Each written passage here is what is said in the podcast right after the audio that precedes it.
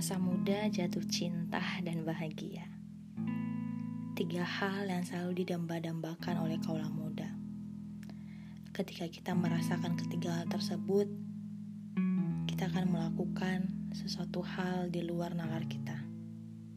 Sebuah kesalahan yang berakhir dengan penyesalan atau sebuah prestasi yang berakhir dengan kebanggaan. Semuanya tergantung kita. Yang jadi pertanyaan, sanggupkah kita bertanggung jawab atas kesalahan yang kita perbuat? Sanggupkah kita untuk tetap bisa tersenyum ketika dunia mengolok-olok kita? Sanggupkah kita untuk melupakan luka dan menghapus air mata? Semua tergantung kita. Semoga kisah ini menginspirasi. Terima kasih telah mendengarkan.